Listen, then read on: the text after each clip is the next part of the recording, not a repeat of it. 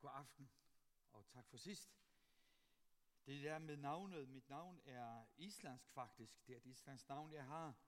Og, øh, og det er alt det besværlighed Bergord og staves på den måde, når man er i udlandet, både i Danmark og i England eller USA. Så det bliver burger. Det er det nærmeste i den engelsktalende verden. Og det er ikke så dårligt, fordi så kan alle huske det i hvert fald. Men jeg er ikke så glad for, at I siger det alligevel.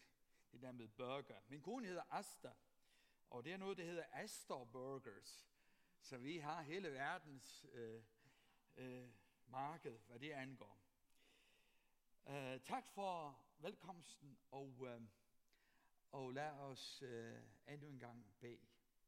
Kære Gud og far, vi priser, priser og takker dig for øh, troen. Troen på dig. Det er en gave fra dig. Og øh, tak for Helligånden og, og Bibelen, som bringer os denne tro. Jeg beder om, at du vil, øh, vil give mig det, som... øh, som du vil, at jeg skal sige.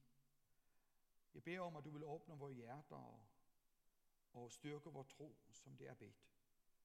Øh, det beder vi i dit navn, Jesus. Amen.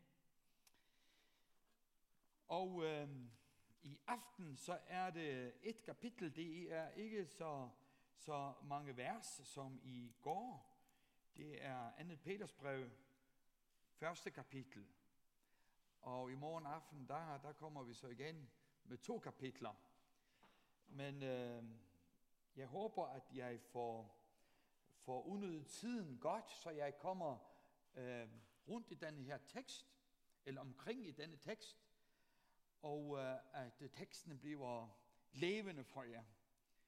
Fordi det er en meget levende mand, der har skrevet disse, disse linjer. Um, han øh, skrev sit første brev, som jeg sagde i går, til øh, forfulgte kristne, som er trængte af verden udenfor.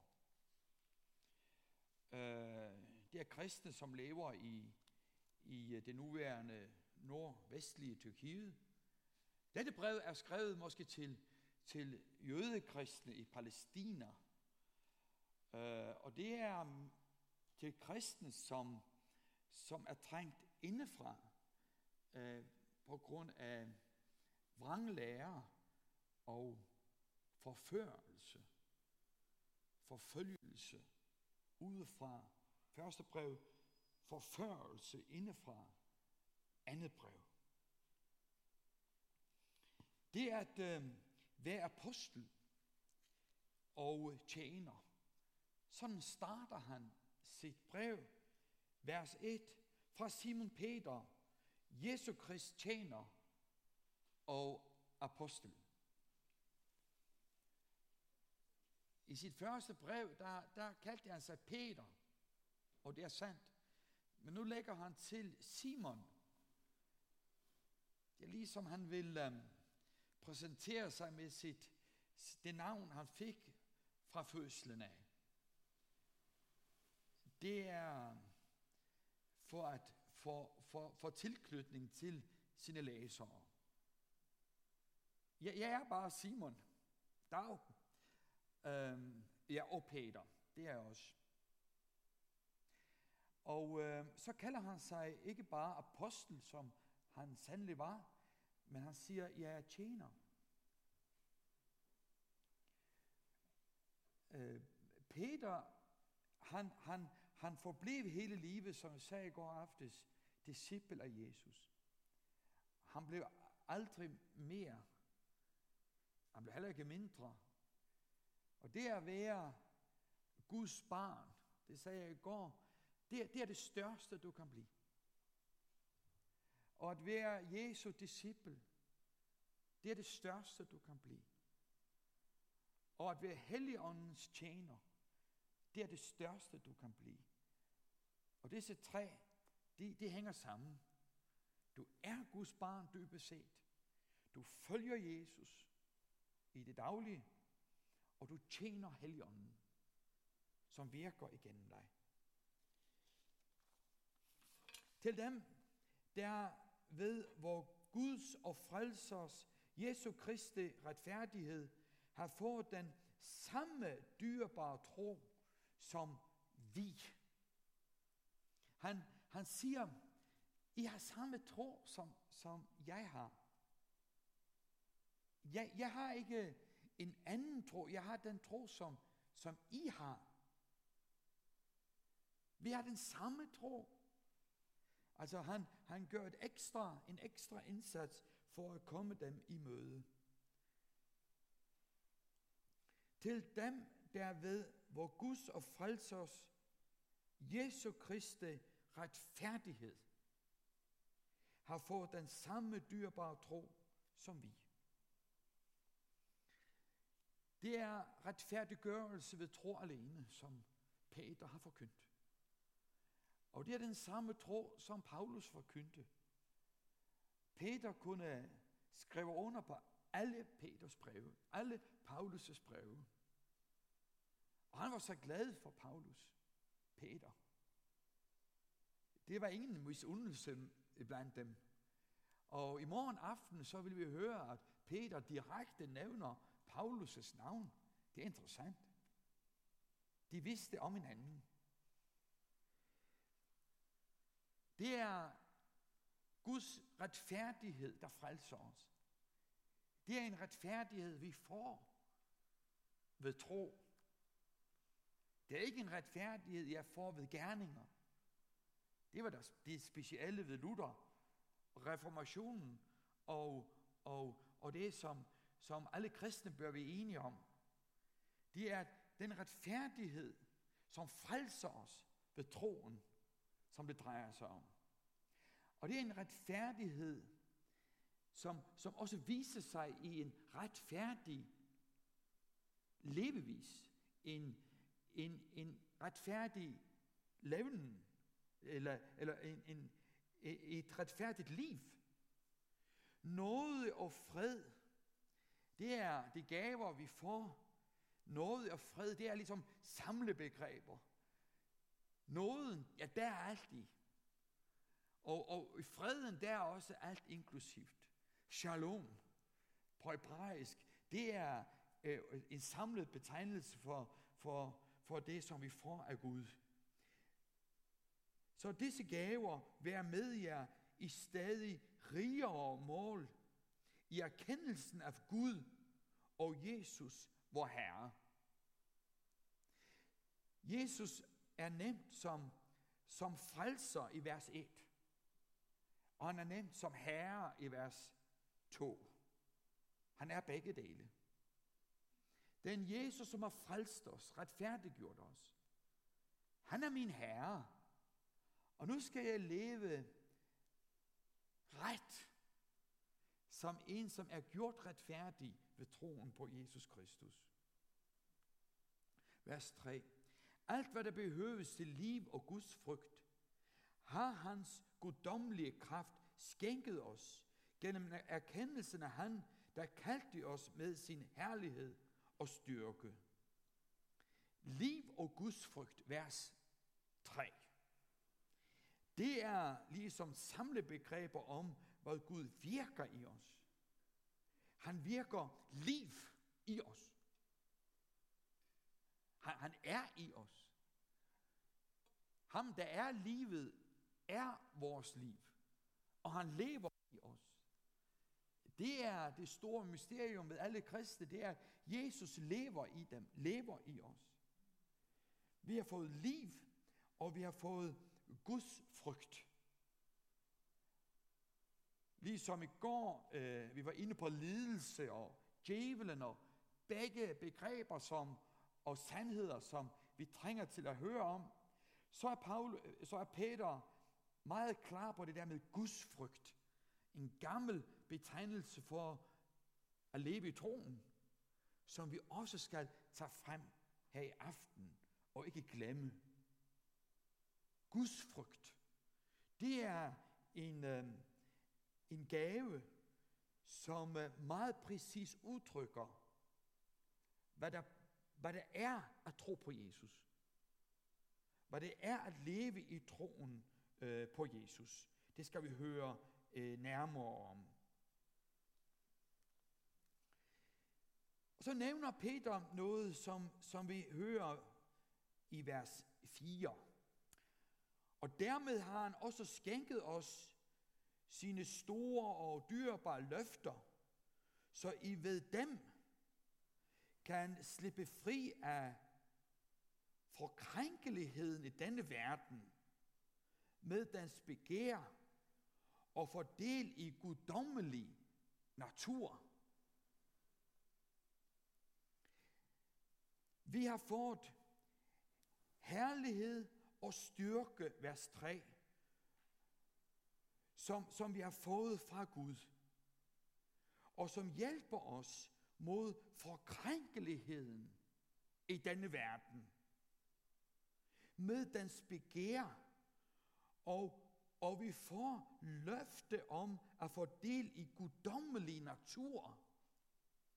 Så vi får både liv og Guds frygt, men vi får sandelig også en guddommelig natur. I Peters første brev siger han, at vi bliver genfødte ved troen på Jesus Kristus. Og nu kalder han, nu siger han, at vi har også fået guddommelig natur.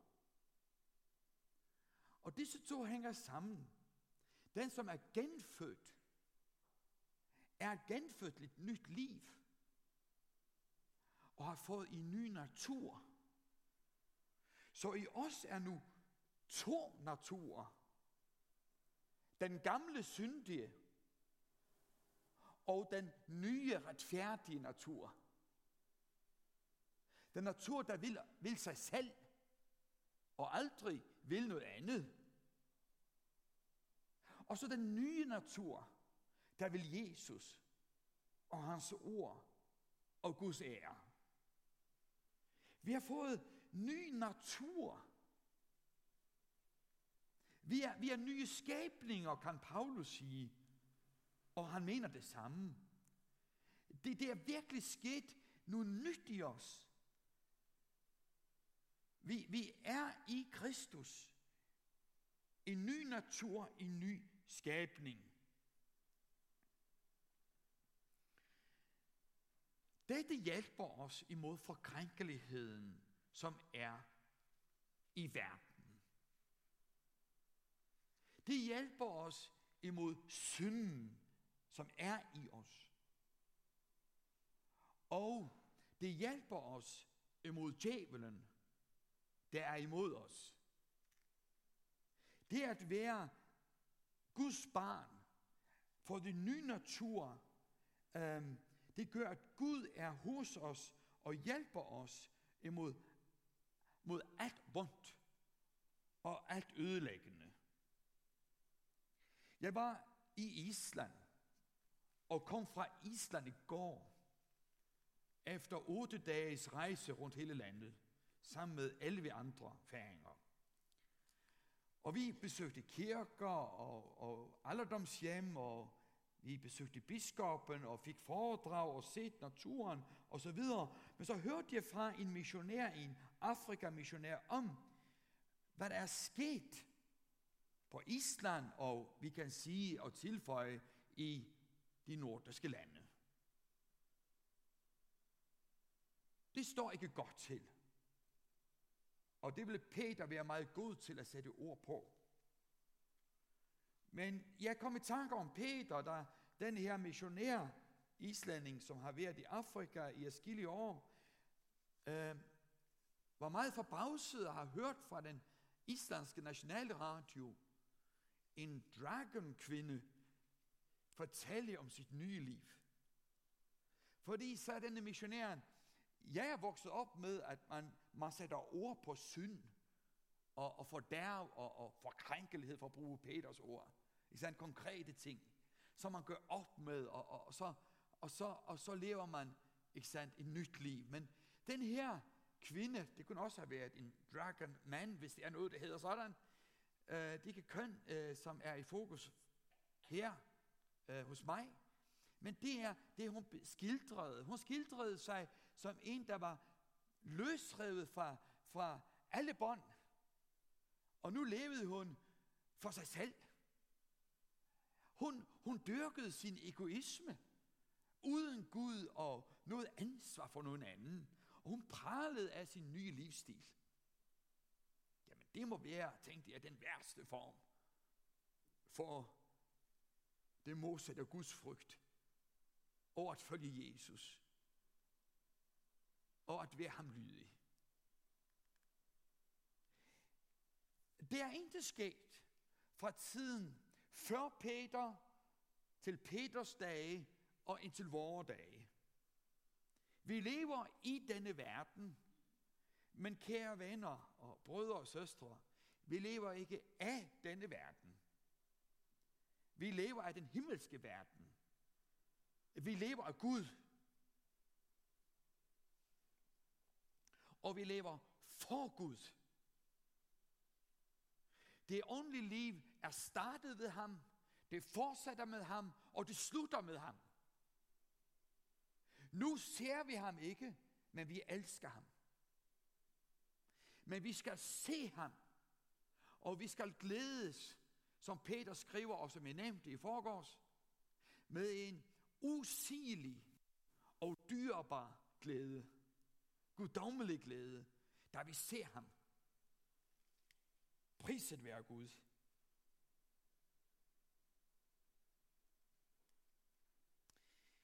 Så er det religiøs buddhisme, som vi kender også i Danmark. Eller religiøs nyateisme, og begge er religiøse, selvom, selvom de ikke vil anerkende sig det, eller vedkende sig det, så vil man, ligesom i Peters dage og før det, være fri for alle bånd. Og ikke acceptere nogen form for, eller noget, som har med synd og omvendelse at gøre, og ej heller Gud og åndelige normer.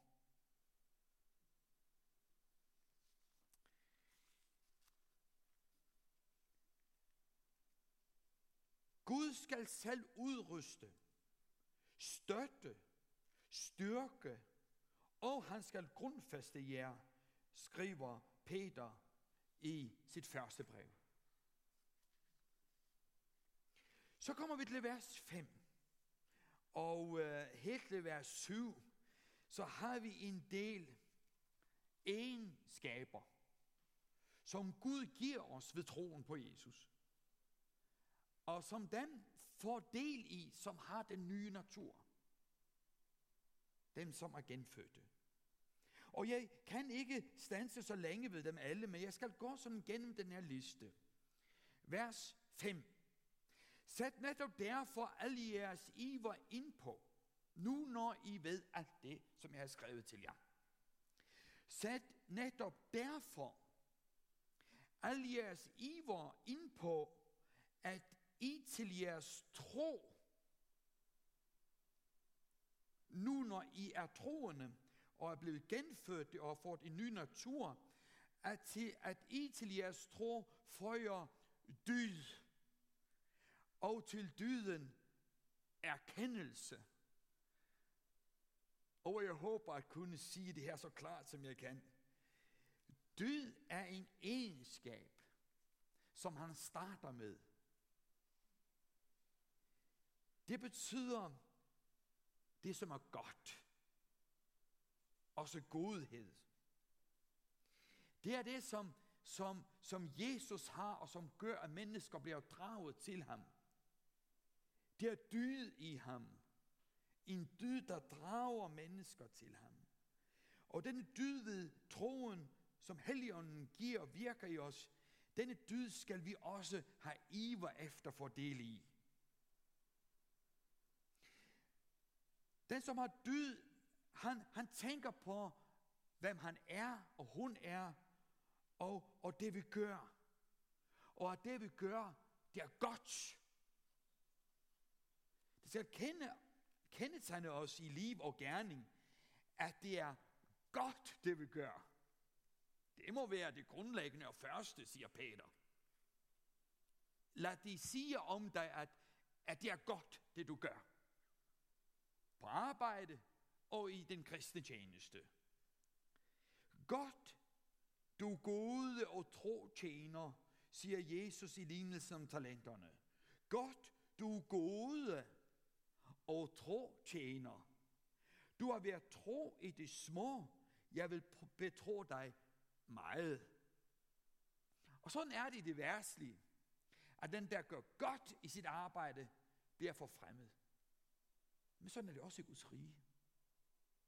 Du bliver tildelt noget småt, men du får mere, hvis du er tro og findes tro i de små. Altså Peters ønsker, at der kommer, at der sker fremskridt skridt, øh, i vores liv. Og så er det erkendelse, det næste. Efter død kommer erkendelse. Og erkendelse er også noget, der hører til ligesom det grundlæggende, og skal være en selvfølge for os. Det er noget med kundskab at gøre. Og derfor er I kommet her i aften. I ønsker erkendelse. Og det vil Peter være glad for at høre og opleve. Øh, så erkendelse har med kundskab, men også en, en kundskab, som er visdom ind i dit liv at gøre. Så vi kan sige erfaret erkendelse. Vi skal vokse i kristen erkendelse. Og det er en erkendelse, der kommer fra Gud ved at leve nær hos Gud.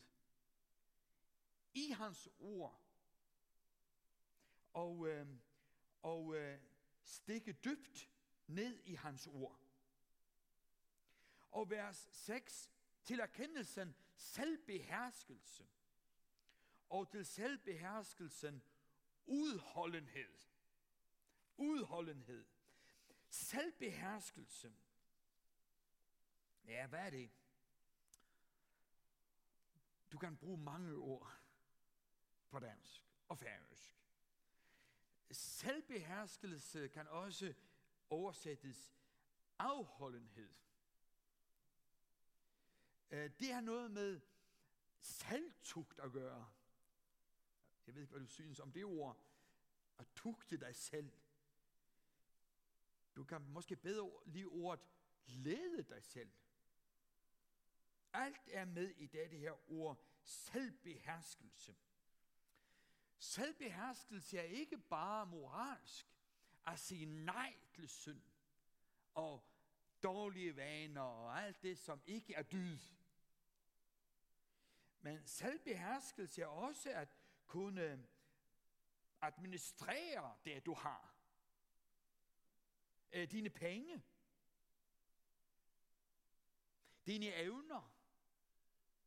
Din tid.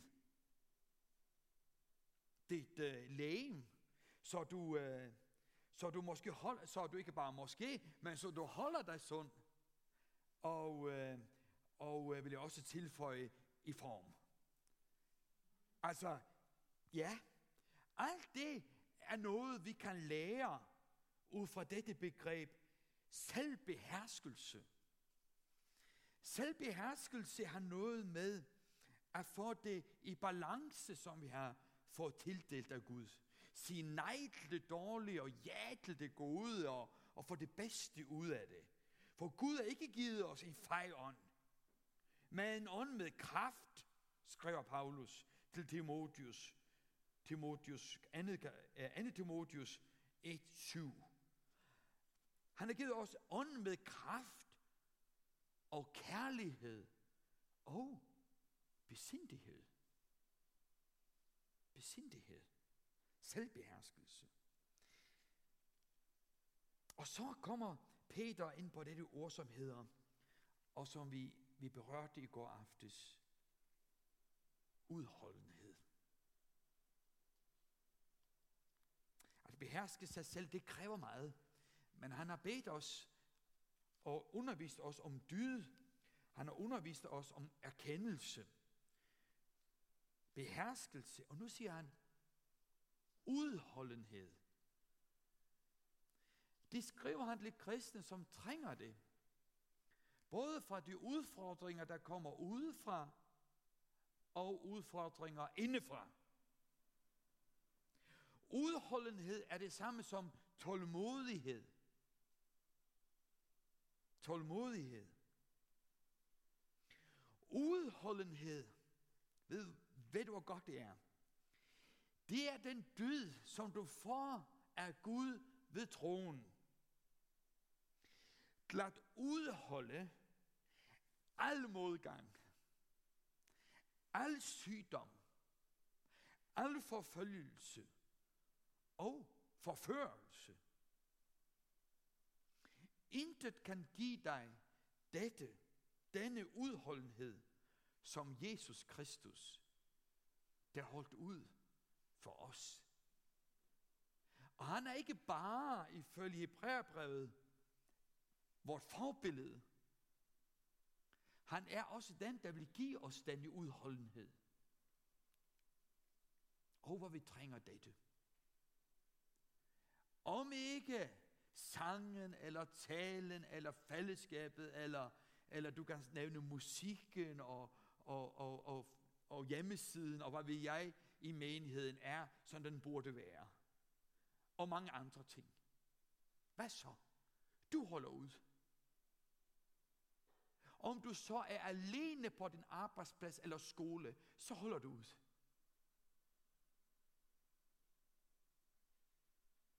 Det er en Jesus evne, vi i den grad har brug for. For I har brug for udholdenhed, skriver forfatteren til brevbrevet, så I kan gøre Guds vilje og for det, som han har lovet, så I kan nå målet.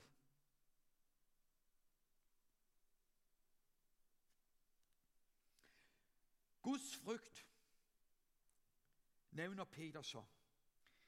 Til udholdenhed kommer Guds frygt. Til Guds frygten broder sind, vers 7, og til broder sindet kærlighed. Og her er vi ved gudsfrygten igen, som vi, har, som vi nævnte i starten. Det er to grundlæggende former for Guds frygt i Bibelen, som vi kan have, og som Gud vil give os. Den første formen er Guds frygt, som ikke har så meget med frygt at gøre med, men at elske Gud. Hold i hans bud, og har tillid til ham i alting. Luther skriver i katekismen, vi skal frygte og elske Gud. De to ting hænger sammen og er ikke modsætninger. Den anden form af Guds frygt har noget med frygt at gøre. Det er, når du møder den store Gud. Når du står foran den almægtige og hellige og ophøjede,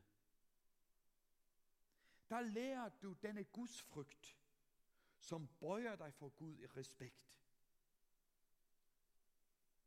Og ved du, hvad du vinder der? Der vinder du over al anden frygt. Så vi skal lære i Guds frygten at elske Gud. Og har tillid til ham, som var som vor gode far. Og så skal vi også lære at have denne Guds frygt. At det er Gud, vi frygter, og ingen anden, og intet andet. Jeg frygter nu ikke mennesker, fordi bare jeg har Gud, hvad kan så mennesker gøre mig? Jeg frygter heller ikke djævlen. Fordi som Luther skrev om djævlen, han er en lænket hund. Og Gud holder i lænkerne. Så Gud er meget mere at frygte af noget mennesker, menneske. Og Gud er også meget mere at frygte end djævelen. Fordi djævelen kan ikke komme os i helvede, men Gud kan. Gud har al magt. Også over denne verden og over djævelen. Se, hvor vigtigt det er med Guds frygten nu. Guds frygten gør, at vi kan se op og møde det, vi nu møder. I tillid til, at vi er i Guds hånd. Our God reigns, synger vi en sang. Og vi synger en anden, He's got the whole world in his hand. Virkelig. Så du kan sige, jamen det er det samme som at tro, ja det er det. Men skriften lærer os et andet begreb, et andet trosbegreb, Guds frygt. At være under Gud og tjene ham. Så nærmer Peter sig det stør, den største af alle dyder. Men før han lige nævner det sidste, så siger han noget, der er det samme, når det gælder forhold os imellem. Vi skal også have denne egenskab, der hedder brodersind. En tros egenskab, virket af Helligånden. Brodersind. Kan I huske i går, at vi skal elske hinanden? Og derhjemme skal vi elske vores kære. Og at dette skal verden kende, kende os. At vi elsker hinanden, brødre og søstre. Og at dette skal verden kende os. At vi prioriterer vores egen familie. Derfor kan vi invitere med frimodighed dem udenfor, ind i vores fællesskab og ind i vores hjem. Brodersind. Peter, og det var 1. Peters brev kapitel 1, i som i lydighed mod sanden har renset jeres sjæle til at have oprigtig broderkærlighed. Oprigtig broderkærlighed. Er det godt? Ikke nogen falsk, men oprigtig broderkærlighed.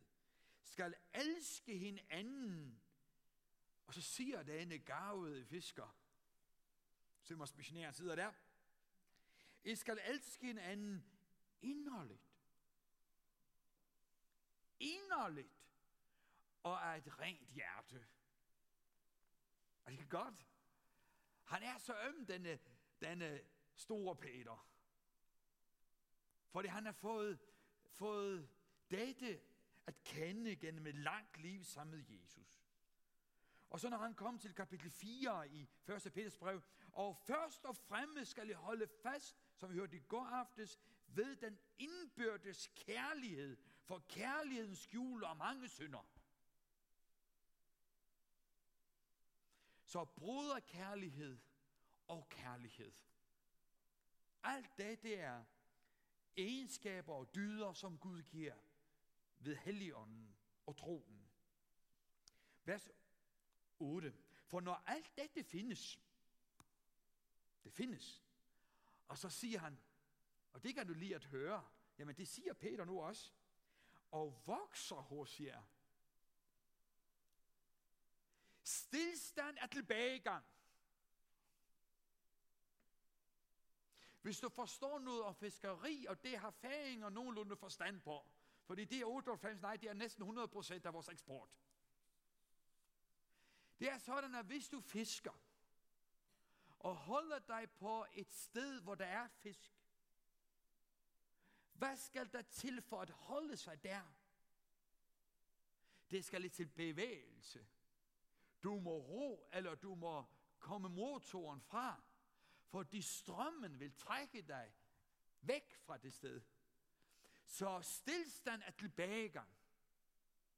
Men skal du nu, og nu må vi bruge et andet billede, skal du flytte dig fra det ene sted, hvor nu er fisken er ved at slippe op, til et andet sted, hvor der er ikke så fisk, så må du sandelig have bevægelse, og ikke være i, i stillstand. Du må vokse. For når alt dette, som jeg har nævnt, findes og vokser hos jer, kan I aldrig være uden flid. Peter er ikke doven. Det skal vi heller ikke være. Troen lærer, ikke os, lærer os ikke at være dogne, men at have flid.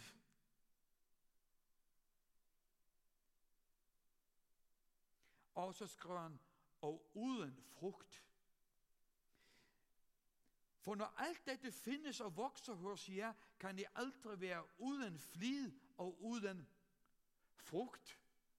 Er det ikke godt? Gud virker alt dette i dig. Han virker også frugt i dig. Frugt.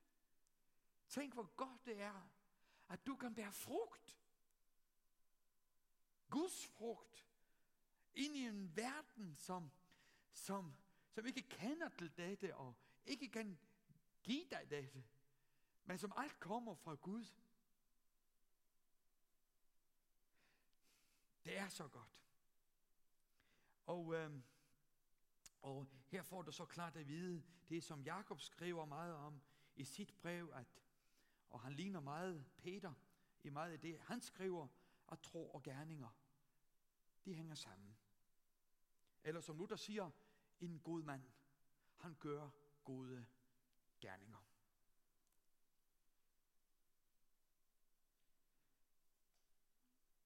Videre, vers 9.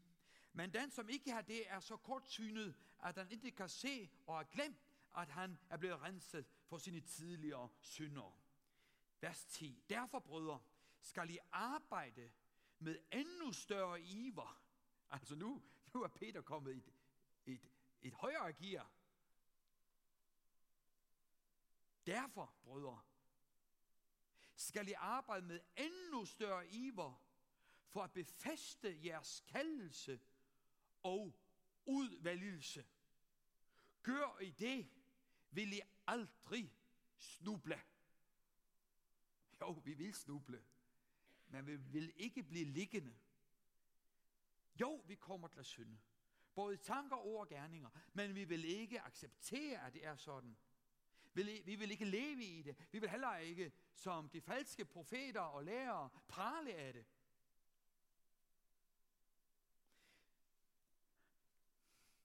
Befast jeres kaldelse, kære brødre og søstre.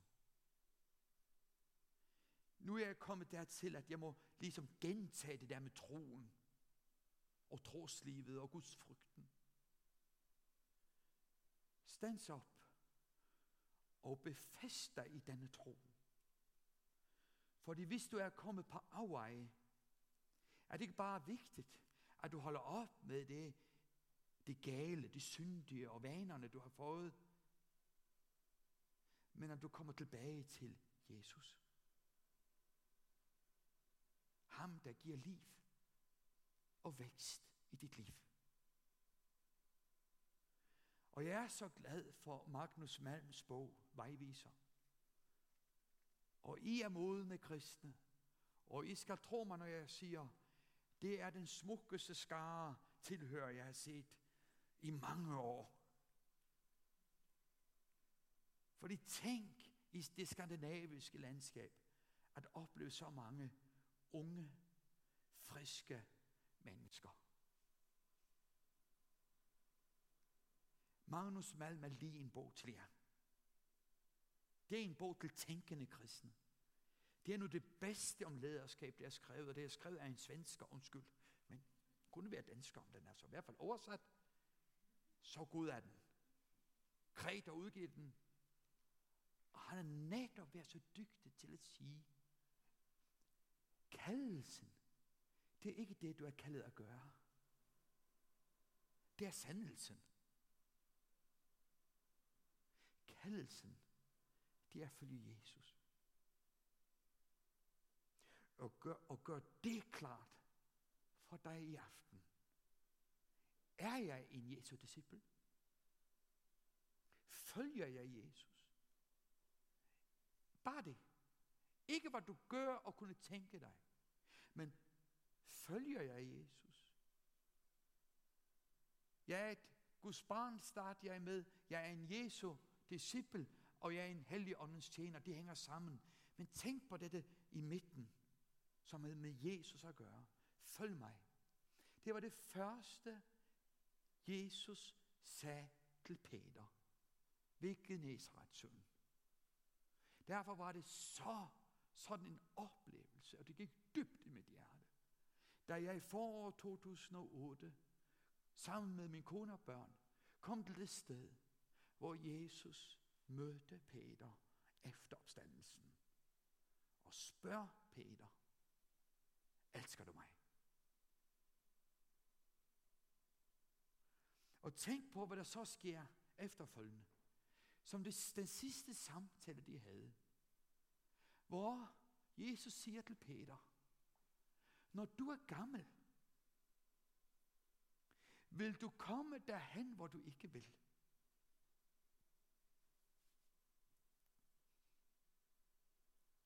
Dit lægen vil have det ondt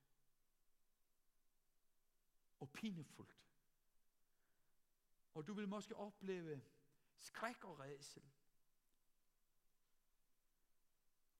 Og ved dette bemærkede han ved, hvilken død han skulle oprøje Gud. Det var det, jeg hørte på Island, nu når jeg kom fra Island i går, da jeg var 19 år. Og det har fulgt mig lige siden. Tænker Peter siger, hvis I vil korsfeste mig, så bær om lov til at få hænge med hovedet nedad. Fordi jeg er ikke værdig at dø som en mester. Sikke en forståelse af, af kaldet, som denne mand havde. Det første, han sagde til Peter, følg mig. Det sidste den aften, da Peter får at vide, hvad der vil ske, han, når han bliver gammel, det er, følg mig. Så hvor du end er i din vandring sammen med Jesus, følger du Jesus, sådan gør du kaldelsen klar. Sådan befester du den. Og har du gjort det, så kan jeg sige dig en anden ting. For det er der med udvalgelsen i vers 10, den er svær. Men så kan jeg sige, så er du udvalgt. Er du en Jesu disciple, følger du Jesus, er du udvalgt.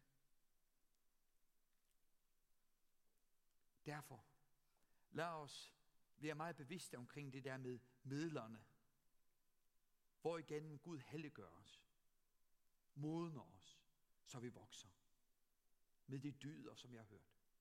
Netop i ordet, bønnen, skriftemålet, altergangen, i samtalen, måske hos en mentor. Lad os gøre brug af alt det, som virker Guds liv i os. For så vil døren til vor Herres og Frelsers Jesu Kristi evige rige stå på vidt gab for jer. Vers 12. Derfor vil jeg stadig til stadighed minde jer om dette, selvom I godt ved det og står fast i denne sandhed, som er hos jer. Men jeg mener, vers 13, men jeg mener at gøre rigtigt i, at vække jer med formeninger, så længe jeg har til huse i dette telt. Nu slutter Peter sin vandring her. Og han siger, jeg vil til stadighed minde jer om dette, som jeg nu skal sige. Og i vers 13, jeg vil vække jer med mine formaninger, så længe jeg har til huse i dette telt. Det at være en forkynder, en, en, en Jesu øh, disciple, det er også at have denne formanende tjeneste. Nogle har det mere end andre. Jeg vil gøre det, så længe jeg lever, siger, Paul, siger Peter. Vers 14. Jeg ved, at jeg snart skal forlade det, som vor Herre Jesus Kristus har tilkendegivet mig. Han er i en situation, hvor han er på fornemmelsen, og han er ikke længe tilbage. Og vi tror, at det var under Nero, Nero kejser, at både Paulus og Peter blev øhm, oplevede martyr, martyriet for Jesus. Jeg ved, at jeg snart skal forlade det, det, for, øh, forlade det som vor Herre Jesus Kristus har til, til, tilkendegivet mig. Vi må videre. Men jeg vil gøre mit yderste for, at jeg også efter min bortgang stadig kan genkalde jer, hvad jeg har sagt. Jeg formaner jer nu, og jeg skal forsikre jer om, at så længe jeg hedder Peter og lever, vil jeg, vil jeg formane jer.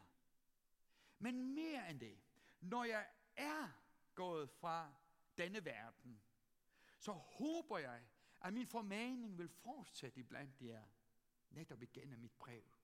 Læs det igennem. Og læs det om igen. Og, og om igen. Og om igen. Så I kan bevare kaldelsen og blive bevaret i kaldelsen. Og så slutter han. For det var ikke uspekulerede spekulerede fabler, vers 16, vi byggede på, da vi forkyndte jer, vor Herre Jesu Kristi magt og hans komme. Men vi havde med egne øjne set Jesu majestæt. Vers videre.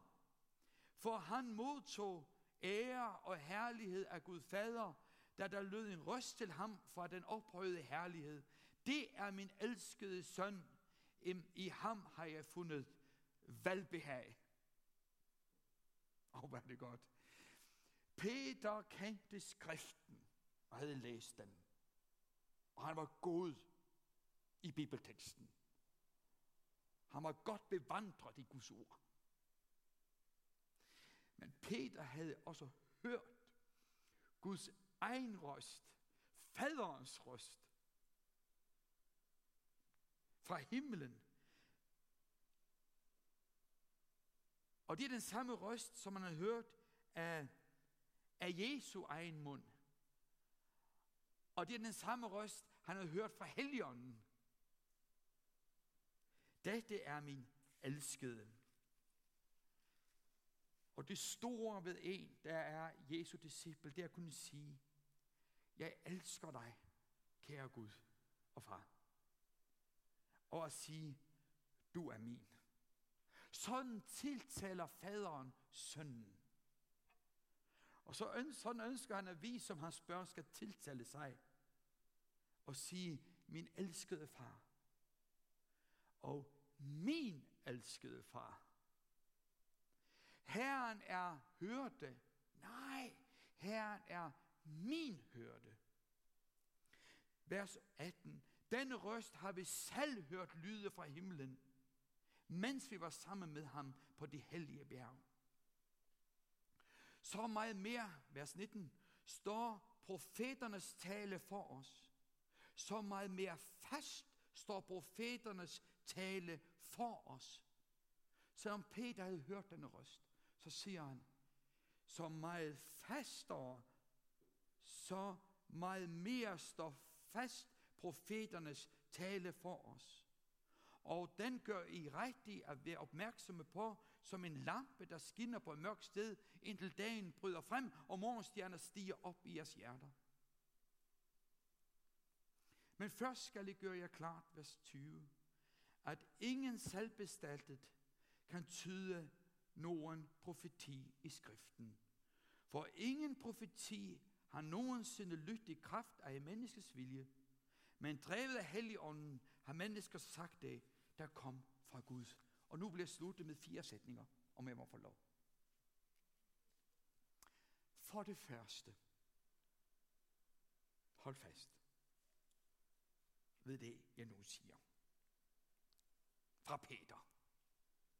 For det første, bibelske sandheder er nedskrevne sandheder. Profeterne og apostlene skrev de bibelske skrifter. Ligesom Peter læste Gamle Testamentet, skal vi gøre det. Men Peter vidste også godt, at hans brev også var for Gud og skulle læses. Det vidste han godt. Ligesom han opfordrer os i morgen at læse Paulus. Guds ord er nedskrevne sandheder. For det andet, bibelske sandheder er øjne bevidnede sandheder. Vi havde med egne øjne set Jesu majestæt, og vi hørte på det hellige bjerg, dette eller det er min elskede søn. Så bibelske sandheder, eller Bibelens sandhed, er både set og hørt. For det tredje, bibelsk sandhed er oplysende sandhed.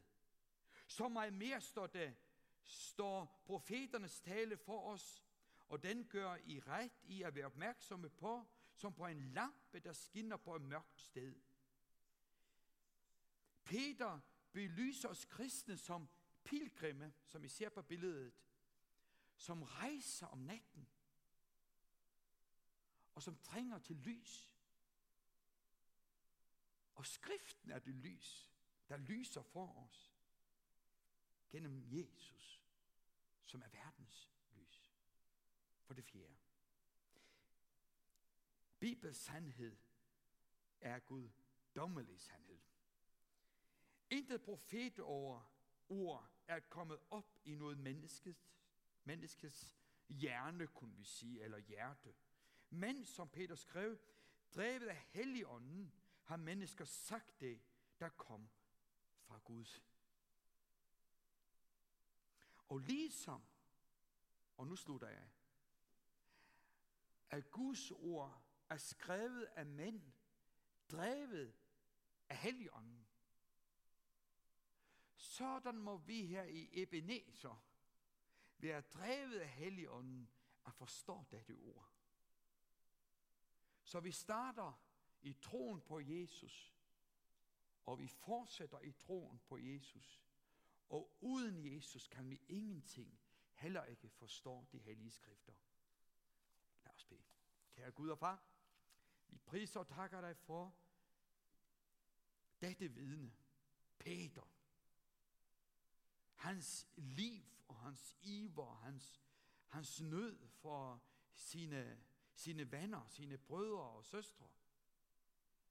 Hans udholdenhed.